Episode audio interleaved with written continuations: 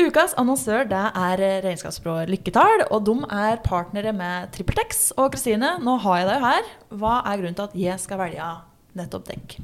Kundene våre setter veldig pris på at ting kan gjøres enkelt. Eh, si at du er på vei til neste tur, eh, og så gjør du et kjøp på veien. Da kan du bruke TrippelTex-appen, ta bilde av kvitteringa og sende den inn. Eh, og så tar jeg over og fikser regnskapet. Eh, Da kan du dra på tur med god samvittighet og vite at du har levert det du skal til meg. Ja, helt genialt! Vet du, Lykketall og flere andre regnskapsførere de finner du på trippeltex.no.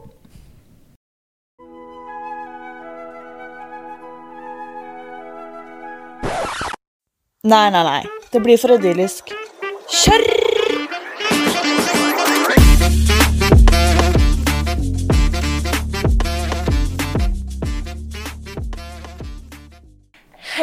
Og velkommen til første episode av Hva har du i sekken? Og i dag så har jeg Jan Kåre Heiberg i studio. Eh, det kanskje sikkert alle vet hvem du er, men det skal vi komme tilbake til. Eh, men siste bragden din, det var jo tredjeplass i Finnmarksløpet. Og du har jo Ja, hva skal man si? Det er jo eh, det er en ganske stor ting. Jeg var der sjøl og faktisk heia på deg opp på banketten. Det er ikke sikkert du vet. Jeg visste jeg ikke. Nei. Men eh, kan ikke du forklare litt og introdusere deg sjøl litt bedre enn det jeg akkurat har gjort? Det kan jeg gjøre. For jeg ære å være den første gjesten, forresten. Jo, bare hyggelig. Uh, nei, jeg er Jan Kåre Heiberg. Er uh, 41 år og har vokst opp i denne byen her. Har eh, vært, i- bodde på Lillehammer i seks måneder, og da dro jeg hjem igjen. For da var jeg altfor langt unna mor og far, syns jeg. Så nei, jeg har tråkka mine ja, både barnebein og ungdomsbein og bylivsbein og friluftsbein i denne byen. Uh, vært her støtt. Og ja Resten skal vi vel prate om. Ja. Har planer om det? Ja. Nei, jeg er eh, Jeg har drevet med mange forskjellige ting i, i denne byen her gjennom mange år, og nå er det jo denne hundekjøringa som har tatt litt overhånd de siste åra, med ta forskjellige grunner. At jeg begynte med det og ja.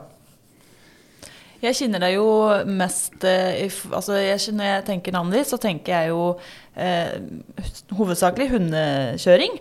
Eh, men jeg, når starta du egentlig med det? Og hva, hva var liksom, er det lenge siden du begynte med det, eller er det nylig?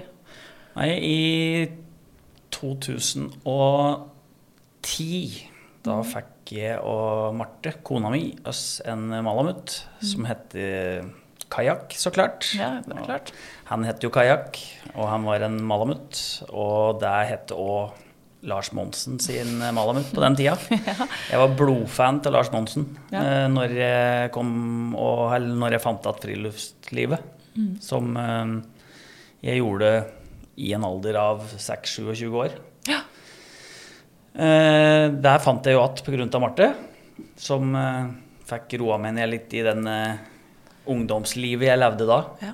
Eh, jeg var jo en eh, rimelig aktiv fyr ute på byen og ute på det stadiet der. Men eh, da jeg møtte hus, så fikk vi oss bikkje, og jeg fikk eh, ja, betalt ned litt kredittkortgjeld og litt forskjellig som jeg hadde på den tida der. Og så ble det friluftsliv. Og i 2012, da var jeg med på Robinson Winter. Ja. Eneste Robinson Winter som har vært i hele verden. Og det var jo kanskje pga. at TV-seertallet ikke var verdens høyeste. Så, men jeg var med der. Og da når jeg var der, da bestemte jeg meg for at jeg aldri mer skulle ha noen sjef. For jeg var dritlei av muring og lastebilkjøring og alt som jeg drev med. Så når jeg kom hjem derfra, da hadde jeg et problem med akkurat dette der. Det var at jeg var raka fant. Så jeg kunne ikke starte noe for meg sjøl. Men uh, søsteren min hadde i hvert fall bitte litt bedre råd enn meg, eh, så hun kunne være med og bidra på mitt galskap-hode, som hadde planlagt at det å starte en camp for eh, barn og ungdom, det var smart. For det vet jeg at jeg syns jeg var veldig flink til. Det å prate med ja, litt likesinna, som, sånn som jeg var når jeg gikk på ungdomsskolen. Da. Så da endte det med at jeg og søsteren starta Over skog og heiberg, som vi driver oppe i bygda her den dag i dag. overlevd pandemien så vidt. Det er godt gjort. Så vi klorer oss fast enda. Ja, det er bra. Jeg har hørt veldig mye bra om eh, Overskog og Heiberg, for det er jo ikke, det er jo ikke nytt eh, Nei, det for meg. har jeg jo drevet i ti-tolv år nå, Ja. faktisk. Så det dro jo da med seg at vi begynte med hundekjøring. Mm. Så da hadde vi en eh, god gammel kar oppe i bygda som begynte å bli litt lei hundekjøring, men han hadde jo ti bikkjer. Ja. Så da sa jeg til Bjørn at vi trenger noen bikkjer bor i campen her, og det er jo rett bordafor der han bor, da. Så han sa bare ta dem med dere. Og da endte det med at vi tok over alle bikkjene hos Bjørn. Ja. Så det var en åtte-ti stykker. Kjørte vel rundt og rundt på jordet i campen, eh, som var en sånn 500 meters runde. Den kjørte vi 1500 ganger eh, første vinteren med samme lederen.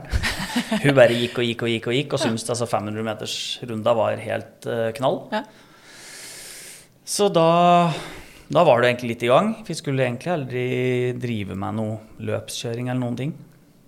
Men ja, det baller jo helt tydelig på seg, da. Der gjorde det. Men sånn i forhold til å liksom gå fra aldri å ha drevet med hundespannkjøring til å plutselig stå der med ti-elleve bikkjer, hva, hva, er, hva er læringskurven her? Altså, hvor bratt er den? Eller hadde du noe erfaring fra før? Jeg har jo vokst opp med, med engelsettere, da. Ja. Far, far vår har jo konstant hele livet hatt engelsettere, så Ja. vi har jo gått veldig mye på ski med bikkjer og pulk. Vi har jo vokst opp med det på Ringebufjellet. Ja. Eller ligget bak i pulk sjøl. Så det er jo, er jo egentlig den erfaringa vi har. Og når jeg fikk en kajakk, da, en Malamutten, stakkar, han, da kunne jeg ingenting om hundekjøring. Eh, jeg husker når han var fem måneder, så drog jeg jo med han på en firemils tur med, med en annen lokal hundekjører her, eh, og tenkte at det var jo helt innafor. Jeg gikk to uker i Femundsmarka hvor han bar eh, fem kilo på hver side i kløven når han var seks måneder gammel. Han var jo så diger. Ja. Så hvis du hadde spurt meg i dag, så hadde jeg venta til bikkja var 18 måneder gammel før jeg begynte å øve på å gå med kløv. Ja. For det er jo det som gjelder. ja. Eh, Men denne gangen der, det, han ble, Men nå skal det sies at han ble avliva her nå for eh, et halvt år siden, og han ble nesten 14 år, så Ja. jeg ødela han ikke. Nei. Men jeg ødela én ting med han, og det var at han var ikke spesielt glad i trekkhundlivet. Så han, men han var veldig god til å gå og snuse og Ja. markere. Det var han helt super på. Ja, og ikke minst kos. ja. Noen ganger så er det egentlig bare det han vil ha òg. Ja. Ja. Så, nei, ja, så det var, eh, var sånn det egentlig starta. Og så når vi fikk alle disse bikkjene, så da Vi meldte oss på noen småløp oppe i Svastom eh, og kjørte Syns vi var helt gærne, for det var jo to ganger fire mil og lik. Mm. Så to ganger tre. Så da Ja, vi meldte oss på der og kom på sisteplass og koste oss med det. ja, ikke sant? Men jeg kjente jo på at dette kom på sisteplass, det er gørt. Ja, for da har du konkurranseinstinkt? Er du, Ja, er du vinnerskalle? Sånn at eh, alt annet enn å vinne er ikke greit, eller? Nei, altså alt annet Jo, altså jeg er veldig stolt av alle rundt meg, og sånn som gjennomfører løp. Og jeg hadde aldri vært sint om søsteren hadde brukt våre bikkjer og kommet på sisteplass i Femund. Eh, bare hadde jeg klart å gjennomføre, for det er jo en kjempebragd å gjennomføre disse løpa. Ja. Eh, eller ekspedisjoner, eller hva som helst. Alt er en bragd. Men eh, meg sjøl har jeg veldig høye forventninger til, sjøl om jeg ikke egentlig burde ha det i den fysiske formen jeg er i sjøl, og ja, treningsgrunnlaget mitt sjøl og alt sånne ting er jo litt tynt. Ja. Men uh, likevel så forventer jeg veldig mye når jeg først er på startstrek og ja, er klar. Ja. Så begynner jeg jo alltid litt rett før, da. Med å se på hvem som skal kjøre og ja, åssen har de trent, tru, og jeg begynner liksom litt sånn, og da skjønner jeg nå begynner du at, nå begynner du å tenke plassering. Nå må du gi deg. Så, men jeg, ja, eh, 2018 var jo første gangen jeg Eller egentlig spannet året stilte i et ordentlig langløp. Vi har jo kjørt Gausdal maraton, og vi har kjørt Vikefjell, og vi har kjørt Mørs Skyndfjell og alt sånn. Men uh, vi har begynt å, få, begynt å få mye gode plasseringer Mm. etter et par innkjøp til et par bikkjer, som var hvis en Bjørn hører dette her, men beklager, litt bedre enn dem vi fikk ifra Bjørn, da. Ja. Så ble det litt nivå opp. Ja. Og så Ja, vi kosta på oss et par ordentlige lederhunder til 20 000 kroner per bikkje. Ja. Og det snudde om alt. Mm. Eh, Da begynte vi å avle på de bikkjene, og ja, plutselig så kom vi på tredjeplass, og andreplass og førsteplass. Og det var sånn Oi, det begynner å bli litt bra. Ja. Men fortsatt så var det bare på 15 og 20 mil. ja. Så vi visste jo ikke hva det var for noe å gå til Femund og Finnmark. Nei. Men så fikk jeg Marte, mor, fikk kreft i 2015, og det balla jo på seg. Eh, gjorde jo òg at jeg fikk sagt noe så dumt som at eh, Jeg sa to, én smart ting, og det var at nå skal vi gifte oss. Mm. Så sa jeg en dum ting, og det var at jeg skal fullføre Finnmarksløpet for deg. Og det måtte jeg pent gjøre. Det var ikke verdt å synes synd på meg sjøl sesongen 2018. Så når jeg dro ut og trente og syntes det var kaldt og gørt, da fikk jeg beskjed om at her ligger jeg med kreft. Eh, Du syns synd på deg sjøl for at du trener til noe du har meldt deg på helt frivillig. Ja. Så den eh, Den var- kjenner han. Ja. Ja. Så det var bare å trene. ja. Men vi kom oss til Finnmark i 2018 og stilte, og kom oss igjennom. Jeg brukte en dag lenger enn vinneren, men allikevel så var det jo 72 som starta, og vi kom i mål som nummer 30. Det var bare 35 som gjennomførte. Ja, nettopp. For det er jo ganske mange som faller av på de om å bryte. Ja. Men jeg, sjøl om jeg har litt vinnerinstinkt, da, så ser jeg i hvert fall på det som at de, du- de som bryter, de har du overslått. slått. For Ja. de har du bedre grunnlag og trent bedre enn og alt som er. Så det var, en, eh, det var første, første runden til Finnmark. Og da husker jeg at jeg tenkte dette her skal jeg aldri gjøre noe mer. Nei. Aldri. Nei. Og det tenker, tror jeg de fleste tenker akkurat når de uh, står, står på vidda der og hallusinerer og sulter og fryser og ja. Ja, for har du Det er jo litt Essensen med den podkasten her er jo at man på en måte ikke skal glorifisere og rosemale det med friluftsliv, om det er hundespannkjøring eller om du skal gå en nærtur. For ofte så er det jo ting som går litt galt. Eh, At ikke alt går som planlagt, og det er liksom ikke alltid superidyll. Har du noen gang opplevd at det har gått ordentlig galt når du har drevet med dette her, eller har du bare hatt eh, fine opplevelser eh, bak uh, bikkjerumpene dine? Nei, jeg tror det har gått nesten eh, omtrent like mye galt som det har gått bra, jeg.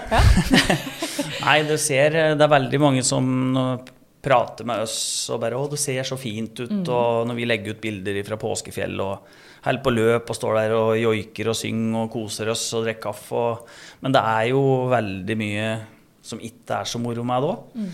Og vi har, men sånn smell, sånn å kjøre av, ødelegge oss veldig og sånn, det har vi ikke opplevd så altfor mye av. Men det er klart, vi har jo hatt uhell som jeg har vært redd for, både meg sjøl og bikkjeliv og det som er. For det, det ryka, kan ryke av et tau, f.eks., når du skal starte.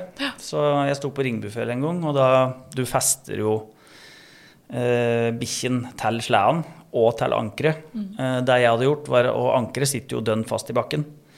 Eh, jeg hadde festa bikkjen til ankeret og ingenting til sleden, så når jeg dro opp ankeret, så da forsvant jeg gjennom eh, fronten på sleden og etter tolv bikkjer bordover på Skaran.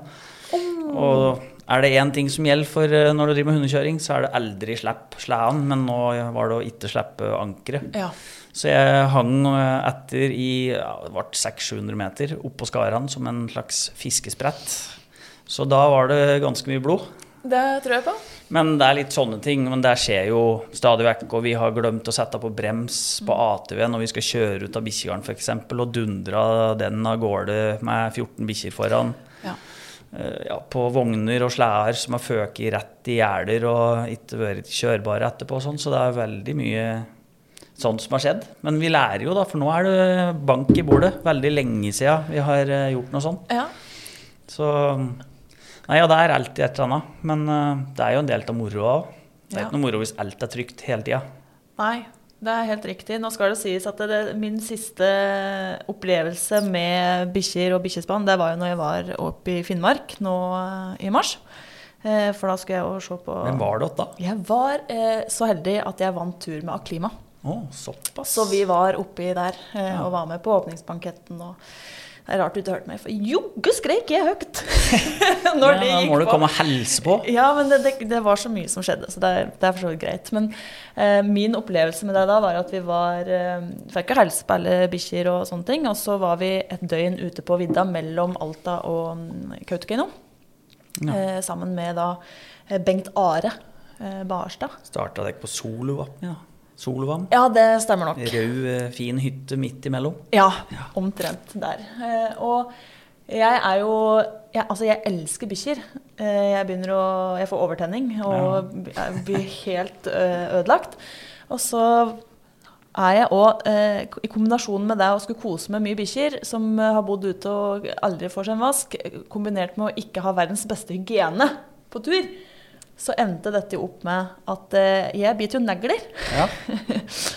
Og har jo da kost meg som bikkjen, som da mest sannsynlig har rullet seg litt i dritt. Ja, ja, ja. Så jeg fikk jo sprutskjuter fra helvete eh, siste, siste dagen eh, når vi var oppi der. Eh, så mm, har du, sånn, har du opplevd det? Hvordan er det med hygiene når du er på langtur? Altså når du sitter på sleden der på tiende dagen, eller hvor lang tid dere bruker? Er kanskje ikke så lenge. men- Vi er ikke ute så lenge. Hos oss er det jo bare tre dager. Men uh, likevel så har jeg jo vært på noen andre turer som tar lang tid. Men uh, jeg har fått så mye kjeft for det at jeg er dårlig på dette med hygiene. Ja. Og jeg bryr meg ikke om hygiene når jeg er uh, ute på tur. Jeg får litt kjeft i hverdagen noen ganger. jeg, For at det er litt sånn ifra bikkjegarden og rett hjem igjen, og Ja. så er det ja, mat og greier. Ja. Så det hender nok jeg får høre det litt både den ene og den andre nå om dagen òg. Men jeg har aldri vært dårlig på, i magen eller spy eller noen ting når jeg har vært på disse turene.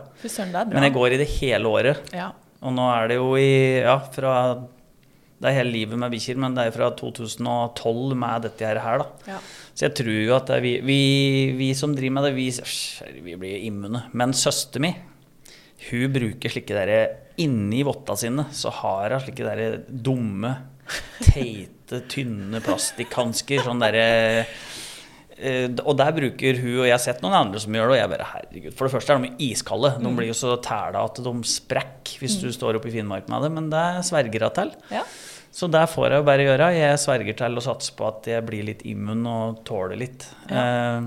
Jeg orker ikke å drive og dille med dette der. Men Nei. eh, jeg skal innrømme det at eh, jeg Jeg skifter jo sokker under løp eh, som er fulle av drit, og står med ei kald karbonade på innapålomma som jeg gnagg på rett etterpå. Ja. Jeg har ikke tid til å stå og sprite fingra i 40 minus i Finnmark. Nei. Jeg Ja. tenker at det er frys i hæl, disse basilla der. Ja, det er det jeg tenker òg. Men Ja. når du sier at du gjør det i 40 minutter Jeg gjør jo ikke det om jeg står på fisking på Veståsen heller, altså. Nei, jeg, Hvis det er noe billig trøst. ja, nei, jeg, er, jeg er ikke god på dette. Og det er, ja, nå, jeg fiska jo litt før og var flink, flinkere til å bruke friluftslivet sånn, men nå tar ikke bikkjen over. Men jeg har aldri vært sånn om det jeg har tredd på en mark, så vasker jeg til hendene da. Glemmer jeg litt, og så eter jeg etterpå. Ja. Ja. Det er ofte du Sikkert grisete, men ja. eh, det er bare moder jord. ja, det er jo det. Sånn er det. Men fra eh, når du sitter på sleden og på en måte hallusinerer og har du Hva går gjennom huet ditt når du står der og det er som verst, på en måte? Når du er så dødsliten at du tenker at faen, hva er det jeg driver med? Hva, hvordan klarer du å hente deg? Hvordan klarer du å orke å gå videre etappevis? Nei, jeg, jeg, jeg, jeg litt Det der jeg er mest imponert av meg sjøl, er egentlig at jeg klarer dette så bra. For jeg er jo ganske mm, Sjøl om jeg har opplevd mye eh, som jeg har takla både bra og dårlig, så er det akkurat dette der løpsgreien. Jeg er så sliten, og jeg hater det egentlig ganske høyt av tider òg. Men der klarer jeg liksom uansett. Men jeg tror det er fordi at eh, det er så deilig å heller ha det vondt på denne måten der enn å tenke på alt mulig annet dritt som har vært i livet og sånn. For akkurat når jeg står på sleden, så tenker jeg verken kreft eller død eller eh, penger eller noen ting. Da er jeg i nuet. Og jeg har jo alltid sagt, og spesielt veldig mye de siste åra, at pelsterapi er jo desidert den beste terapien som fins i hele livet. Og det om det er marsvin eller katt eller bikkje eller ku eller hest, det er det ikke så veldig mye pels på ku. Jo, det er jo det. Er jo, Jo, det. jeg vil jo si det. er hår. Ja. Men uh, Fins sikkert nok terapikuer. ja. Nei, men eh, pelsterapi det syns jeg er eh, det beste som fins. Og sjøl om jeg til tider er veldig lei eh, til å drive med bikkjer, for at det er jo veldig mye jobb. Eh, men uansett så vet jeg at uansett åssen humør jeg er i når jeg kommer i bikkjehjørnet de bryr seg ikke. De Nei. er dritglade for å se meg og digge meg om jeg blid eller sur eller sint. eller Sånn er det ikke med noen. Dekk kvinnfolka eller digger ikke gubben deres hvis han er sur og sint, men det gjør bikkjen. Nei. Eh, Shout-out til deg, Håvard Evensen. Det gjør jeg ikke. Men nei, det er helt riktig det. Jeg kan skjønne at eh, det er, eh, det er terapi å være med de. Ja.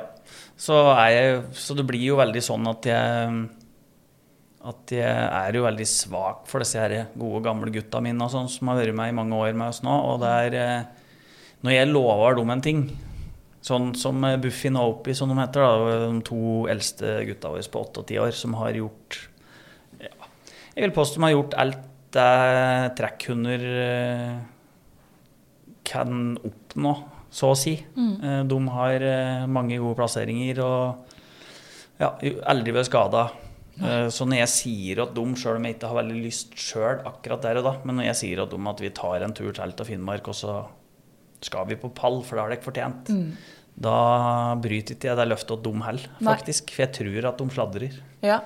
Ja, det så, nei, men eh, de er så smarte, og de har så mye å bety for meg og har gjort så mye bra at og om det er det de ønsker å dra til Finnmarksløpet, det kan du jo Det er ikke sikkert det er drømmen deres selv, men vi har det jo forferdelig fint sammen. Og jeg merker jo åssen eh, bånd jeg har til spesielt de to, da. Mm. Som har vært med meg på alt de siste Ja, Opie har vært med nå i åtte år, og Buffin han kjøpte vi som fireåring, og nå er han ti, da. Så mm.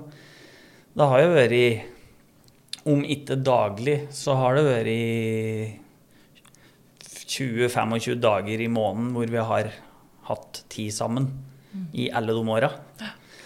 Så det, nei, de betyr mye, og de har vært med gjennom kreft og død og alt som er. Mm. Pengeinnsamlinger, ikke minst, har det blitt veldig mye av. Norge på tvers. Du har gått Norge på tvers ja? Jeg og Simen Bekken vi kjørte Norge på tvers uh, i 2019 kjørte vi kjørte jeg Finnmarksløpet med Marte som handler. Stemmer, ja. Siste gangen. Uh, da samla vi inn 334 000 til forskning på senskader etter gynkreft. Mm. 2020, eh, da kjørte jeg Finnmarksløp. Da kom jeg forresten på tiende. Ja, så det var jo Kjempeplassering, det òg. 2020 eh, så kjørte jeg for tredje gang i mars, da, som vanlig. Da Marte hun døde i 2019. 22.12. Så det at jeg dro dit da, hadde jeg aldri trodd at jeg skulle gjøre. Nei. Men jeg dro dit og tror jeg hadde noen engler på skuldra og så nordlys hele veien og storkoste meg og kom på fjerdeplass. Ja, tenk på det. Så da tror jeg Marte var med. Da var det etter meg som eh, handler, men hun var der. Mm. Um, tenkte i 2020, da rett etter at Marte var død, at jeg aldri skal kjøre noe med bikkjer. Uh, men uh, Eh, vi dro jo oppover da.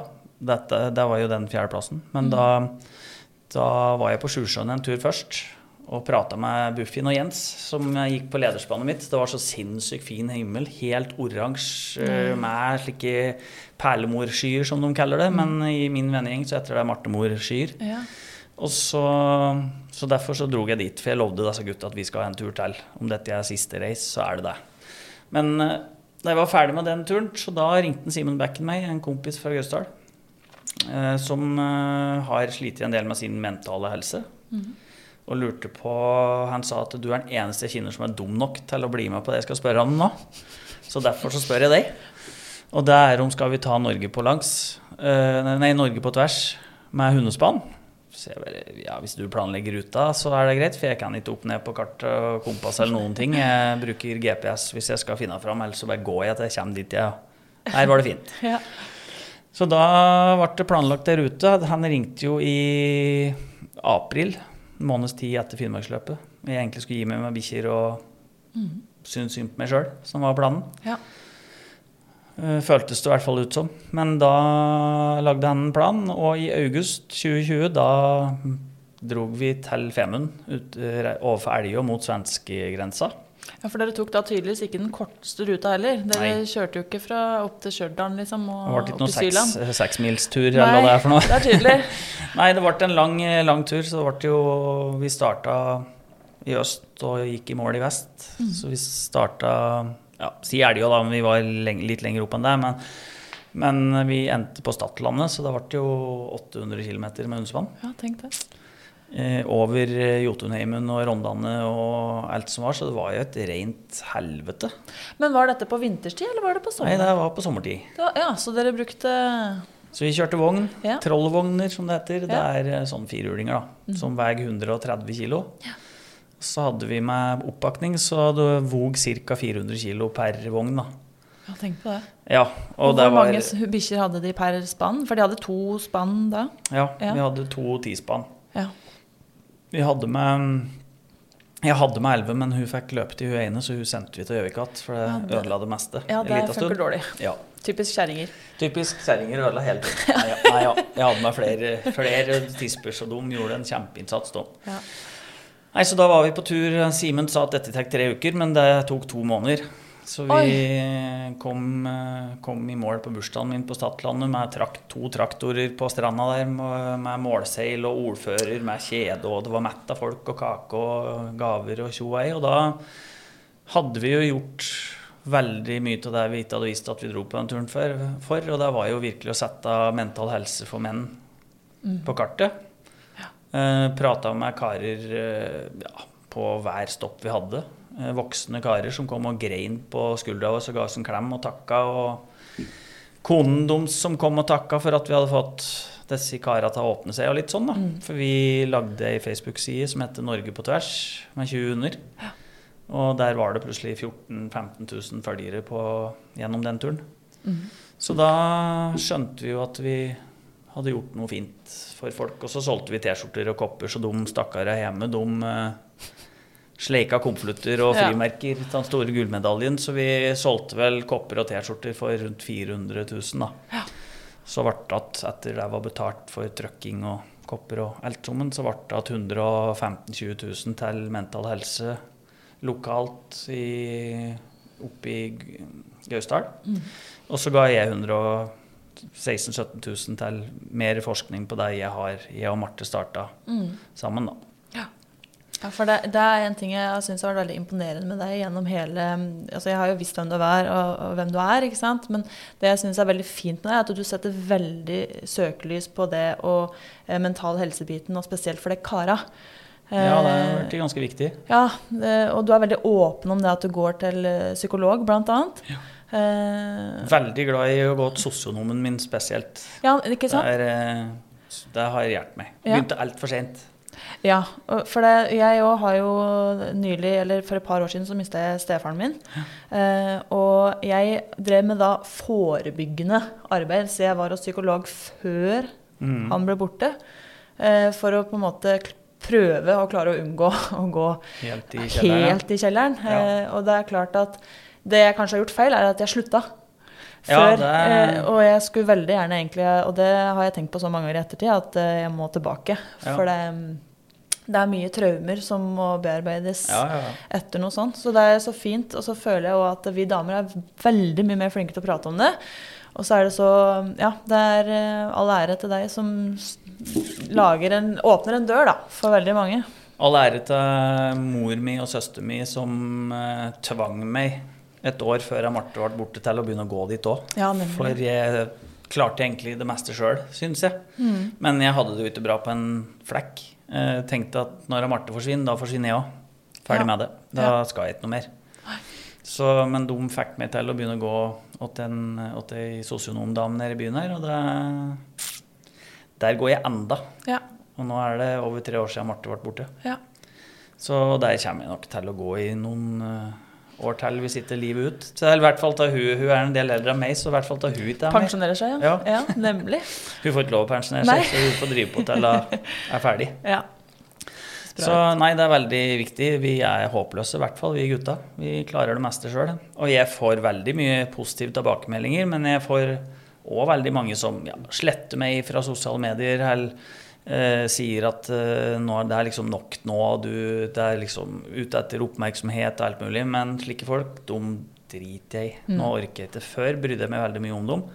Og måtte jo gå og prate og få hjelp til å takle folk som syntes at jeg var oppmerksomhetssjuk pga. at jeg drev med det jeg drev med. Eh, Nå bryr jeg meg ikke.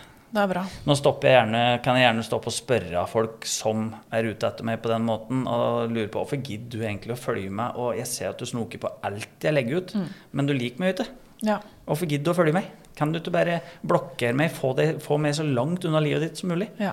Du har jo null behov for meg, men fortsatt så snoker du. Ja. Og trykker og kommenterer og alt mulig. Jeg blokkerer folk jeg ikke har noe behov for å ha i livet mitt, jeg. ja lurt. Ja. Så det har vært noen morsomme Jeg har noen fæle meldinger lagra på telefonen som jeg hender jeg tar fram igjen og viser uten å vise navn når jeg holder noen foredrag og sånn, bare for å vise hvor stygge folk kan være. Ja. ja for du, Men, eh, apropos det, du holder jo foredrag. Ja, det har blitt litt av det. Jeg Ja. liker egentlig ikke å kalle det foredrag, da. Nei. Jeg liker egentlig å kalle det Mi og Martes historie. Ja. Og fortsettelsen på historien Mm. min. Så nei, det har vært en del foredrag de siste to åra. Mm. Ja. Vi begynte faktisk med foredrag, jeg og Marte. Første foredrag jeg hadde, hadde jeg sammen med Marte nede på Kreftkafeen på biblioteket. Ja. Så det, vi hadde tenkt å holde litt foredrag, men det ble med ett for Marte. Men det ble starten på en ting jeg føler er veldig viktig. Mm. Så da driver vi med det. Så nå i helga var jeg i Kristiansand, og forrige uke var jeg i Etnedalen. Kontraster. Ja. Men det er fint. ja. Det er jo Veldig. samme publikum. Uavhengig av hvor man er, selvsagt. Ja, og så det som er morsomt, er at jeg har holdt eh, Ja, i Etnedalen var det 60 pluss som var eh, alders, alderssnittet. Men jeg har òg vært i Molde og holdt det for 600 skoleelever fra 10. til 3. videregående. Og det er viktig for alle. Mm. Så ja, har med litt bilder og litt film og litt bikkjer og finnmarksløp og Mm. Jeg er jo litt sånn at så lenge jeg kan holde et foredrag og folk griner litt og gliser litt, da tenker jeg at da har du vært innom eh, både opp og nede, og så har, du, har du truffet. Ja. Og det har jeg vel litt eh, opplevd ennå at det ikke har skjedd. Så da Jeg har litt sjølironi, så jeg mobber meg sjøl en del i de, når jeg prater. Så da tenker jeg at det, det får folk tåle. Ja. Det går kun utover meg sjøl. ja. Så er jeg ikke så veldig redd for å brette ut litt om både oppturer og nedturer og sånn, så da Nei. Det, det er Jeg liker å si at eh, Å fortelle den historien mi foran mett av folk, det er drittungt og slitsomt, men samtidig så er det lett, for det er ikke noe jeg står og finner på. Det er eh, livet, rett og slett. Mm. Så, men livet er ikke bare dritt, da. Nei, ikke sant. Du har jo fått ei datter, blant annet. Jeg har fått ei datter, og jeg har funnet meg at det er ei bra dame. Mm. Og ja, livet smiler. Sjøl om eh, det er ikke bære-bære å finne seg at en som har opplevd det jeg har opplevd. For Nei. hver dag er ikke like bra. Nei. Så mm, det skal Linda ha kred for at hun takler relativt bra. Men jeg skjønner òg godt at det ikke er superlett. Nei. Men eh, herregud, jeg har fått verdens nydeligste datter. Nå er hun 15 måneder, som er høyt og lågt og helt ko-ko. Og ja, hun er med og kjører hundespann, og ja, de var med til Finnmark i år, og mm. det er stas. Ja, det er klart Mia var ikke med til Finnmark i år. Linda var med til Finnmark i år. Mia Ja. var med til Finnmark i fjor, når jeg var to måneder. Ja, ikke sant. Ja. Men eh, Linda, er hun handler, eller er det, har du et eget team her, eller hva? I, hun driver og utdanner seg litt som handler. Jeg driver og sier Ja. at hun skal få kjøre løp sjøl. Ja. Så hun, jeg driver og pusher henne litt på at hun skal kjøre femmilsløp eh, til vinteren igjen. Gausdal eller Synfjell eller et eller annet. Ja. Så vi får se. Men uh, hun driver og sånn småutdanner seg litt som handler nå. For at hun, ja, hun, det er veldig, veldig fint å ha de som er nærme som handler. For de vet hva du vil ha av både mat og ja, De skjønner at de ikke skal mase høl i hugget. For du er jo sliten og kjei og irritert. Mm. Men eh, ja, noen ganger er det greit å ha litt avstand, og heller ha dem bare tett, men på avstand på løpet òg. Ja. Men i år så var det jo Finnmark i år ble jo et rotterace, og da Ja, jeg tror nok kanskje søsteren min fikk en del kjeft jeg ikke hadde fortjent. ja, det blir kanskje sånn. Ja, spesielt fra Levajok til Karasjok. De eh, åtte mila der, da var det Da var, da var ikke noe særlig å ha med å gjøre. Det var den tøffeste etappen, syns du? Ja, det var vel nesten Det var den korteste, men den tøffeste. Og den etappa hadde jeg gledet meg så mye til, men da gikk jeg så i kjelleren. For da var det Bikkjen hadde diaré, og det stoppa hver gang de, ei bikkje skulle gjøre fra seg. da, Så stoppa hele spennet. Og når sju-åtte bikkjer skal gjøre fra seg hver 50. meter, da stopper det ganske ofte. Ja. Så, men eh, jeg er jo veldig sånn, jeg ser jo bare mitt eget spann, tenker ikke over andre, og trodde bare at det var mitt som hadde litt lav fart oppover. Så jeg har fått høre at det, at intervjuet på Karasjok det var ikke det mest oppmuntrende folk hadde sett av meg. Men du blir så skuffa, for at eh, ja, jeg lå jo bra an. Jeg kom jo inn Jeg vet ikke så jeg kom inn der sånn, ja, men eh, jeg lå vel på tredje-fjerdeplass inn eh, oppi der òg, og da Du har jo så lyst. Og gangen før jeg var i Finnmark, så lå jeg på f- første andreplassen jeg var der, og kom på fjerde. For jeg kjørte jo feil én kilometer før mål i 2020. Ja. Og kom 28 sekunder bak tredjeplassen. Den uh... Og jeg lå på tredje til det var én kilometer igjen. Men jeg svingte til høyre, bikkjen ville til venstre, jeg svingte til høyre. Nei, Så, å nei, å nei, å så jeg hadde jo veldig lyst i år. Eh, men han som lå bak meg, han finnen, han, eh, han lå litt Nei, han lå noen minutter foran meg. Han er jo supererfaren, så jeg tenkte jeg har ikke sjans til å slå han der. Men eh, han punga oppå fjellet, så han ble langt bak, og jeg fikk tredjeplass og VM-bransje. Ja, fy søren, det var uh... Og til og med kåra til Så jeg fikk veterinærprisen Ja. av 74 stykker, og det er jo større enn Det er nesten gjevest, er det ikke det det? vel- Når du driver med hunder sånn? For det Ja, det ble jo på en måte akkurat der verdensmester i hundestell, Ja. fikk jeg beskjed om Ja. til en uh, lokal eh, helt her. Så jeg Ja. bare Ja, det stemmer faktisk. Det har jeg ikke tenkt på. Men det var veldig, veldig stas. Herregud. Jeg aldri drømt om at jeg skulle få det til. Men uh, noe riktig må det jo ha blitt gjort. ja. Så etter den etappa så løsner det igjen for bikkjen?